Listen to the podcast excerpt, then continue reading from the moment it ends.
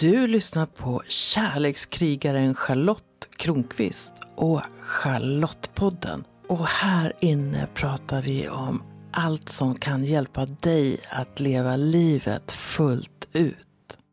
Bryta ett mönster. Hur bryter du ett mönster? Och vad kan det vara att bryta ett mönster? Jo, en sak det kan vara, det är att göra något på ett nytt sätt. Jag minns när min son skulle börja i svensk skola och jag började med att ha ett samtal med hans rektor. Och anledningen till att jag ville ha det där samtalet med rektorn var att min son hade gått sitt första skolår i Frankrike. Och prata lite grann om vad det skulle kunna få för konsekvenser. Och sen ville jag veta hur skolstarten skulle gå till. Och rektorn tyckte att min fråga var lite konstig och hon berättade att första skoldagen går till precis så som den alltid har gjort. Med ett upprop. Och efter uppropet så skulle barnen spendera resten av dagen på fritids och sen under de första veckorna i första klassen så skulle barnen långsamt skolas in i skolmiljön och komma upp i det rätta antalet timmar som man har som första gluttare. Och när hon sa det där så hände någonting i mig. Det var som att jag fick en flashback bakåt i tiden. Och jag mindes hur besviken jag blev på skolan min första skoldag. Upprop! Vad är det för tjafs? Jag ville börja läsa och skriva och det ville jag såklart göra på direkten. Vad var det för larv att bara gå dit och visa upp sig och sen gå hem igen? Så jag frågar rektorn varför eh, de inte börjar med hel skoldag från början. För om det är någon gång i ett barns liv som barnet är motiverat av att gå i skolan så är det ju när skolan startar. Och då svarar rektorn Nej, vi har alltid inskolning av första klasserna. Men det kanske är tid att göra på ett annat sätt? Nej, vi ska fortsätta som förut. Varför det? För så har vi alltid gjort.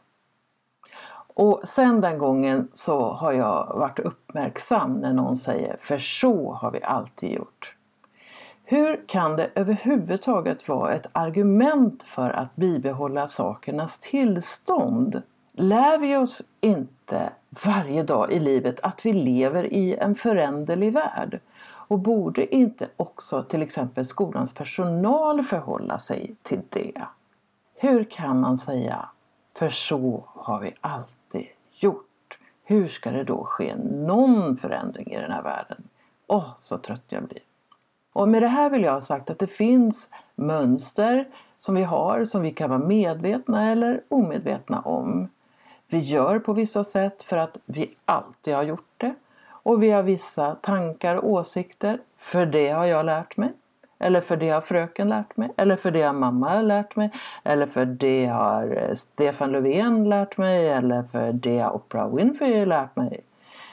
Vi har idéer om oss själva och säger så här är jag och det kan inte förändras. När jag är blyg eller jag är modig eller jag kan räkna bra eller jag är usel på matte. Det finns en massa sådana här föreställningar som vi har om oss själva.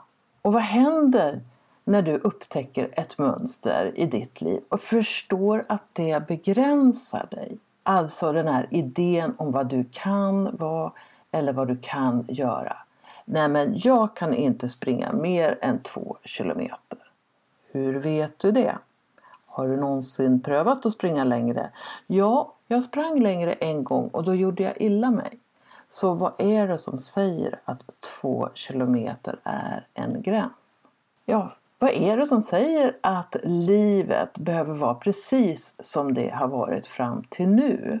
Och om det finns en möjlighet till förändring, varför låter vi så ofta bli? I det här avsnittet av Charlottepodden så kommer jag att läsa kapitel 39 i min bok 100% Charlotte, ta ditt inre ledarskap som också finns som ljudbok. Och du får möjlighet att reflektera kring mina tankar om att bryta mönster.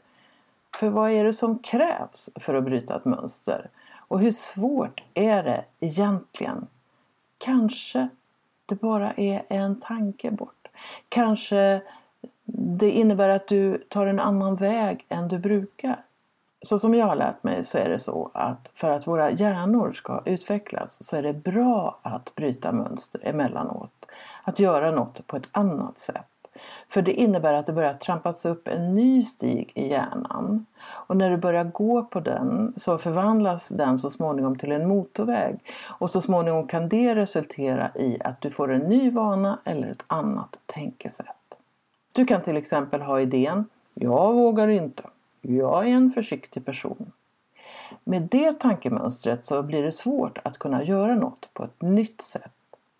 I dig finns det då en förutfattad bild av hur du är och att göra på ett annat sätt skulle kunna kännas läskigt eller hotfullt. Så därför agerar du lätt som du brukar och avstår kanske från det du vill bara för att du har en idé om att du inte är särskilt modig.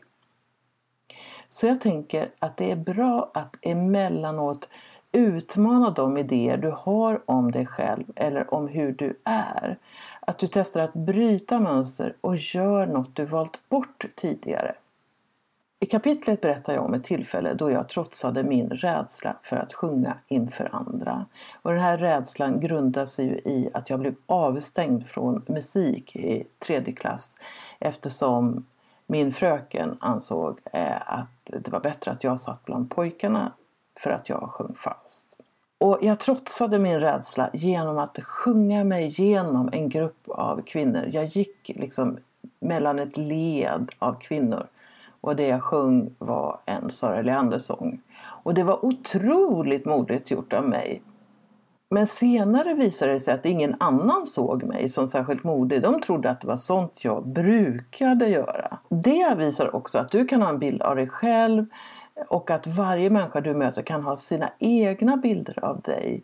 Och det är bara du som kan bryta dina mönster, ingen annan. Så vad skulle vara lagom utmanande för dig att testa just nu, om en halvtimme eller innan dagen har tagit slut? Och nu får du lyssna på när jag läser kapitel 39. 39. Bryta ett mönster. Det kan kännas fruktansvärt att bli kränkt offentligt. För att överleva valde jag att spela oberörd.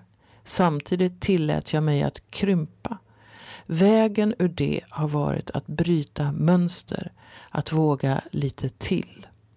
Som barn tyckte jag att killarnas lekar var roligare än tjejernas. Ofta var lekar med killar mer fysiska.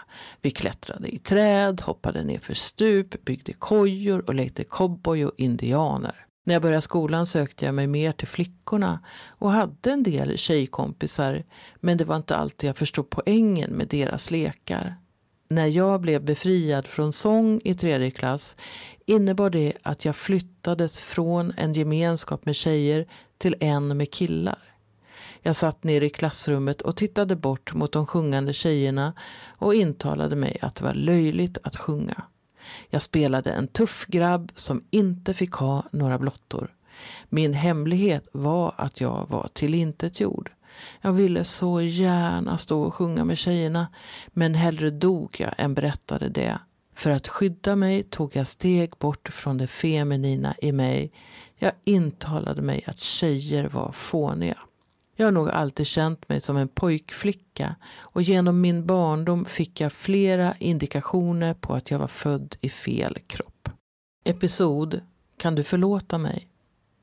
Detta minns jag inte men jag har fått historien berättad så många gånger och den handlar så mycket om mig att jag ändå gör så här.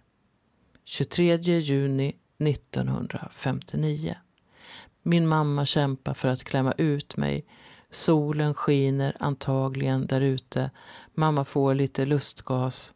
Så är jag ute i den stora världen utanför mamma. Pappa är med under förlossningen, vilket tillhörde undantagen då. När läkaren säger att det blivit en flicka säger mamma till pappa Kan du förlåta mig för att det inte blev en pojke? Den historien ingick för övrigt i min mammas tal till mig på min 50-årsdag. Jag hade känslan av att jag borde ha varit en grabb, släktens första barnbarn. Jag blev pappas duktiga flicka. Det föll sig rätt naturligt att vara ställföreträdande kille på sånglektionerna och inte hålla på med sånt larv som att sjunga. Jag slutade sjunga trots att jag älskade att göra det.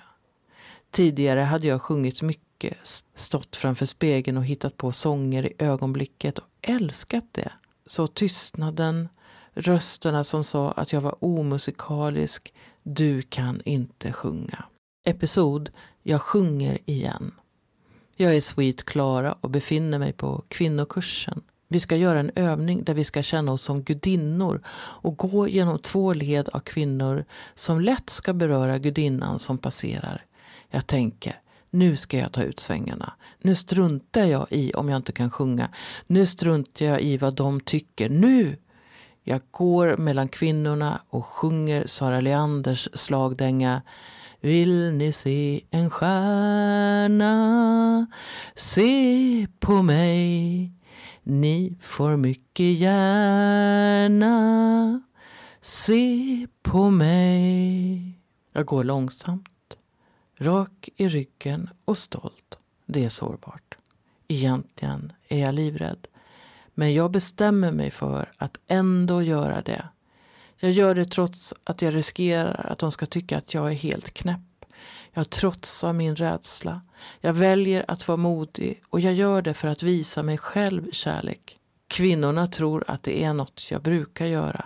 Att det är lätt för mig. Dagen efter delar jag hur det kändes för mig inför hela gruppen. Jag gråter och känner mig både sårbar och stolt över mitt mod. Jag är tacksam för att jag tillåter mig att bli sedd både i Sara Leander-gestalten och som den gråtande kvinnan. När jag stod i sårbarheten, när jag riskerade skammen, expanderade jag. Den största expansionen skedde i gråten efteråt. Det var stort att våga bli sedd i min sårbarhet. Att få gråta utan att någon viskade Nu manipulerar du igen. Det var helt underbart. När jag tänker efter tror jag att jag fått som mest kärlek strömmande emot mig när jag visar mig naken i min sårbarhet. Din läxa. Pröva att bryta ett mönster och visa något för världen som du inte har vågat tidigare. Ja, Kapitlets utmaning var ju att bjuda in dig till att göra något du inte gjort tidigare och lägga märke till hur det känns.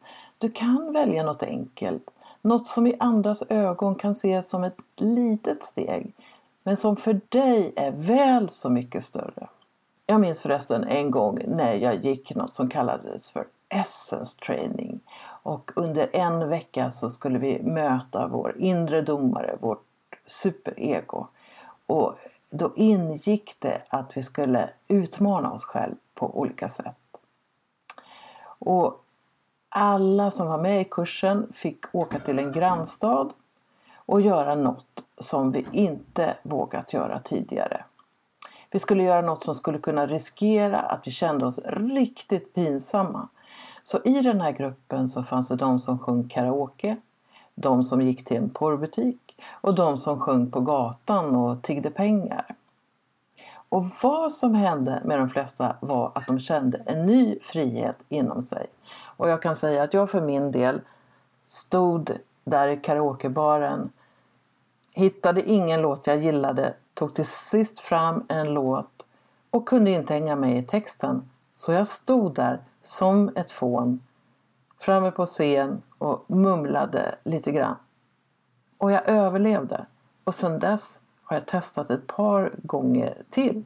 Då gick det lite bättre. Tycker du att det är spännande eller givande att lyssna på de här avsnitten av Charlottepodden där jag reflekterar över livet på olika sätt? Där jag uppmuntrar både mig och dig som lyssnar till att ta vårt inre ledarskap. I så fall kanske du ska läsa hela boken eller lyssna på den. Pappersboken 100% Charlotte, ta ditt inre ledarskap kan du köpa via min hemsida och ljudboken köper du hos en nätbokhandlare.